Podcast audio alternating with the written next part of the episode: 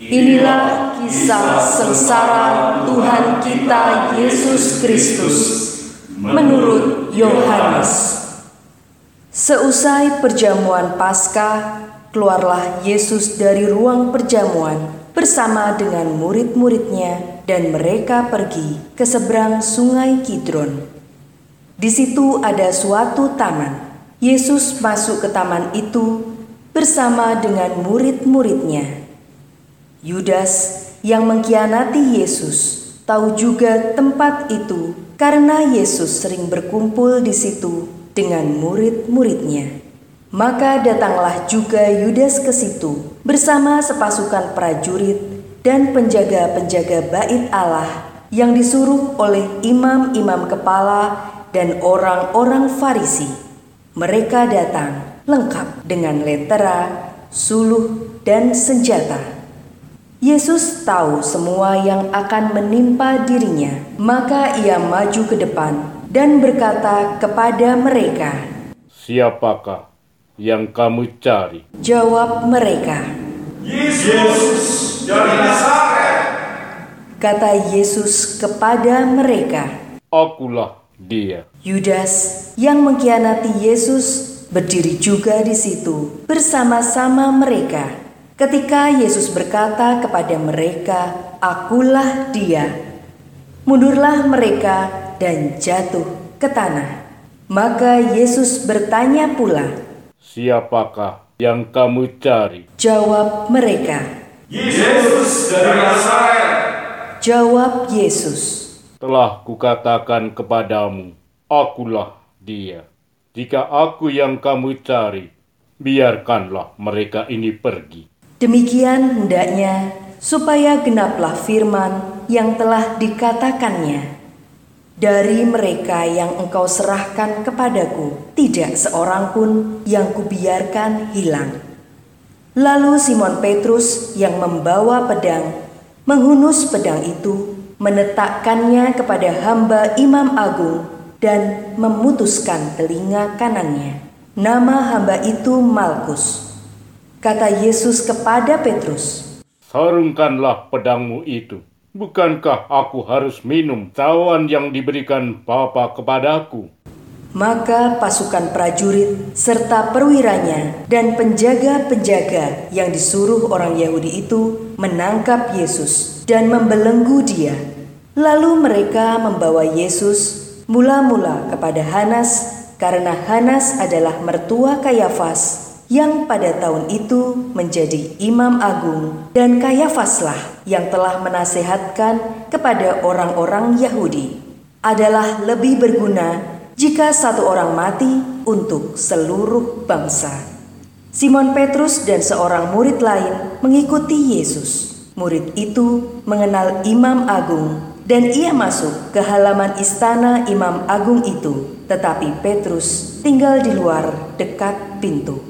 Maka murid lain tadi yang mengenal Imam Agung kembali keluar bercakap-cakap dengan perempuan penjaga pintu lalu membawa Petrus masuk. Maka kata perempuan penjaga pintu itu kepada Petrus, Bukankah engkau juga murid orang itu? Jawab Petrus, Bu, bukan. Sementara itu, hamba-hamba dan para penjaga bait Allah telah memasang api arang sebab hawa dingin waktu itu dan mereka berdiri berdiam di situ. Petrus pun berdiri berdiam bersama-sama dengan mereka. Maka mulailah Imam Agung menanyai Yesus tentang para murid dan tentang ajarannya. Jawab Yesus kepadanya, Aku berbicara terus terang kepada dunia. Aku selalu mengajar di rumah-rumah ibadat dan di bait Allah, tempat semua orang Yahudi berkumpul. Aku tidak pernah berbicara sembunyi-sembunyi. Mengapakah engkau menanyai aku? Tanyailah mereka yang telah mendengar apa yang kukatakan kepada mereka. Sungguh, mereka tahu apa yang telah kukatakan. Ketika Yesus berkata demikian, seorang penjaga yang berdiri di situ menampar muka Yesus sambil berkata, Begitukah jawabmu kepada Imam Agung? Jawab Yesus kepadanya, Jikalau kataku itu salah, tunjukkanlah salahnya. Tetapi jikalau benar, mengapakah engkau menampar aku? Lalu Hanas mengirim Yesus terbelenggu kepada Kayafas, imam agung. Simon Petrus masih berdiri berdiam. Kata orang-orang di situ kepadanya, Bukankah engkau juga seorang murid Yesus? Petrus menyangkalnya, katanya, Bu, bukan. Salah seorang hamba imam agung, keluarga dari hamba yang telinganya dipotong Petrus, berkata kepadanya, Bukankah engkau kulihat di taman itu bersama-sama dengan Yesus? Maka Petrus menyangka lagi, dan ketika itu berkokoklah ayam. Keesokan harinya, mereka membawa Yesus dari istana Kayafas ke gedung pengadilan. Ketika itu, hari masih pagi. Mereka sendiri tidak masuk ke gedung pengadilan itu supaya jangan menajiskan diri, sebab mereka hendak makan Paskah. Sebab itu, Pilatus keluar mendapatkan mereka dan berkata, Apakah tuduhanmu terhadap orang ini? Jawab mereka kepadanya, Jikalau ia bukan penjahat, kami tidak menyerahkannya kepadamu. kata Pilatus kepada mereka. Ambillah dan hakimilah dia menurut hukum Tauratmu. Kata orang-orang Yahudi itu, Kami tidak diperbolehkan seseorang. demikianlah terjadi supaya genaplah firman Yesus yang dikatakannya untuk menyatakan bagaimana ia akan mati. Maka kembalilah Pilatus ke dalam gedung pengadilan, lalu memanggil Yesus dan bertanya kepadanya. Engkau inikah raja orang Yahudi? Jawab Yesus, Dari hatimu sendirikah engkau katakan hal itu? Atau adakah orang lain yang mengatakan kepadamu tentang aku? kata Pilatus. Orang Yahudikah aku, bangsamu sendiri, dan imam-imam kepala yang telah menyerahkan engkau kepadaku? Apakah yang telah engkau perbuat? Jawab Yesus, Kerajaanku bukan dari dunia ini. Jika kerajaanku dari dunia ini, pasti hamba-hambaku sudah melawan, supaya aku jangan diserahkan kepada orang Yahudi. Akan tetapi, kerajaanku bukan dari sini. Maka kata Pilatus kepadanya, Jadi, engkau adalah raja? jawab Yesus, Seperti yang kau katakan, aku adalah raja. Untuk itulah aku lahir, dan untuk itulah aku datang ke dunia ini, yakni untuk memberi kesaksian tentang kebenaran. Setiap orang yang berasal dari kebenaran mendengarkan suaraku. kata Pilatus kepadanya. Apakah kebenaran itu? Sesudah mengatakan demikian, Pilatus keluar lagi mendapatkan orang-orang Yahudi dan berkata kepada mereka, Aku tidak mendapati kesalahan apa pun padanya. Tetapi padamu ada kebiasaan bahwa pada hari raya Paskah aku membebaskan seorang bagimu. Maukah kamu supaya aku membebaskan raja orang Yahudi bagimu? Mereka pun berteriak,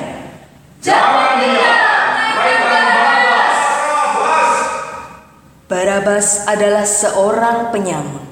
Lalu Pilatus mengambil Yesus dan menyuruh orang menyesah dia. Prajurit-prajurit menganyam sebuah mahkota duri dan menaruhnya di atas kepala Yesus. Mereka mengenakan jubah ungu padanya dan sambil maju ke depan mereka berkata, Jikalau engkau membebaskan dia, engkau bukanlah sahabat kaisar. Tiap orang yang menganggap diri raja melawan kaisar. Lalu mereka menampar wajah Yesus. Pilatus keluar lagi dan berkata kepada orang-orang Yahudi, Lihatlah, aku membawa dia keluar kepada kamu, supaya kamu tahu bahwa aku tidak mendapati kesalahan apa pun padanya. Lalu Yesus keluar, bermahkota duri dan berjubah ungu. Maka kata Pilatus kepada mereka, Lihatlah manusia ini. Ketika para imam kepala dan penjaga-penjaga itu melihat Yesus, berteriaklah mereka, Salibkan dia! Salibkan dia! Kata Pilatus kepada mereka, Ambil saja sendiri dan salibkanlah dia, sebab aku tidak mendapati kesalahan apa pun padanya. Jawab orang-orang Yahudi itu kepadanya, Kami mempunyai hukum dan menurut hukum itu ia harus mati. Sebab ia menganggap dirinya sebagai anak Allah. Ketika Pilatus mendengar perkataan itu, bertambah takutlah ia. Lalu ia masuk pula ke dalam gedung pengadilan dan berkata kepada Yesus. Dari manakah asalmu? Tetapi Yesus tidak memberi jawab kepadanya. Maka kata Pilatus, Tidakkah engkau mau berbicara dengan aku?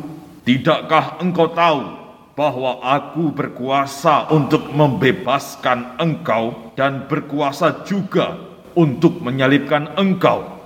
Yesus menjawab, Engkau tidak mempunyai kuasa apa pun terhadap aku, jikalau kuasa itu tidak diberikan dari atas. Sebab itu, dia yang menyerahkan aku kepadamu lebih besar dosanya. Sejak itu, Pilatus berusaha untuk membebaskan Yesus. Tetapi orang-orang Yahudi berteriak, Jikalau engkau membebaskan dia, engkau bukanlah sahabat Kaisar. Tiap orang yang menganggap diri raja melawan Kaisar. Ketika mendengar perkataan itu, Pilatus menyuruh Yesus keluar. Lalu ia duduk di kursi pengadilan di tempat yang bernama Litostrotos dalam bahasa Ibrani Gabata. Hari itu ialah hari persiapan Paskah, kira-kira jam 12. Kata Pilatus kepada orang-orang Yahudi itu, Inilah rajamu. maka berteriaklah mereka, Nyalakan dia! Nyalakan dia! Salibkan dia! kata Pilatus kepada mereka. Haruskah aku menyalibkan rajamu? Jawab imam-imam kepala, Kami tidak mempunyai raja selain Kaisar.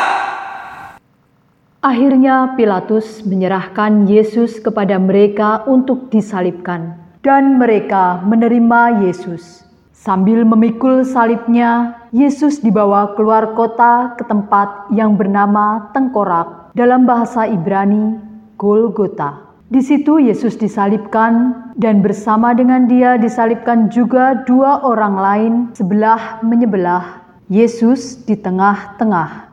Pilatus menyuruh memasang juga tulisan di atas kayu itu, bunyinya, Yesus orang Nazaret, Raja orang Yahudi. Banyak orang Yahudi membaca tulisan itu, sebab tempat Yesus disalibkan itu letaknya dekat kota, dan kata-kata itu tertulis dalam bahasa Ibrani, Latin, dan Yunani. Maka kata imam-imam kepala kepada Pilatus, Jangan engkau menulis raja orang Yahudi. Tetapi ia mengatakan, aku adalah raja orang Yahudi.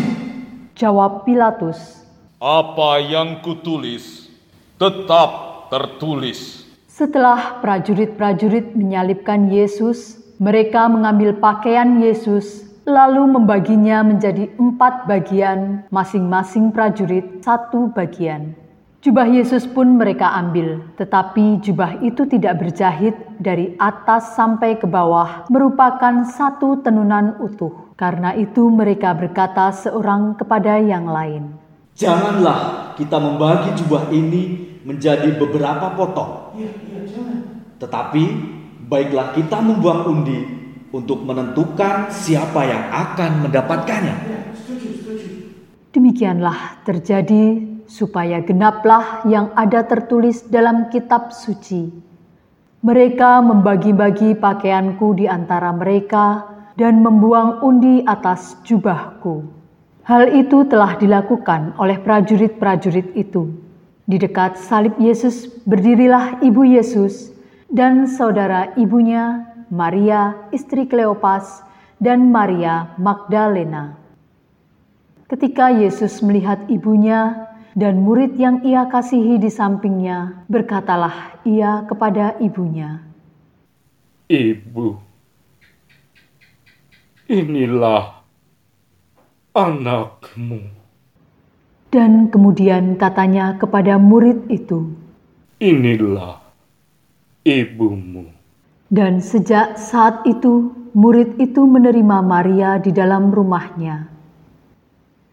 Sesudah itu, karena Yesus tahu bahwa segala sesuatu telah selesai, berkatalah ia, supaya genaplah yang ada tertulis dalam kitab suci. Aku haus. Di situ ada suatu buli-buli penuh anggur asam. Maka mereka mencucukkan bunga karang pada sebatang hisop, mencelupkannya dalam anggur asam itu, lalu mengunjukkannya ke mulut Yesus. Sesudah meminum anggur asam itu, berkatalah Yesus, Sudah selesai. Lalu Yesus menundukkan kepala dan menyerahkan nyawanya.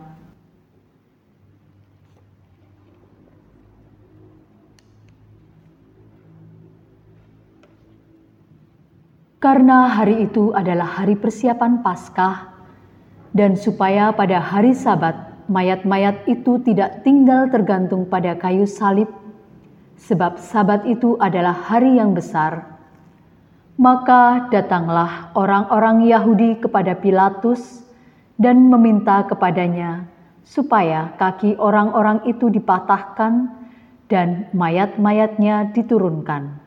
Maka datanglah prajurit-prajurit lalu mematahkan kaki orang yang pertama dan kaki orang yang lain yang disalibkan bersama-sama dengan Yesus.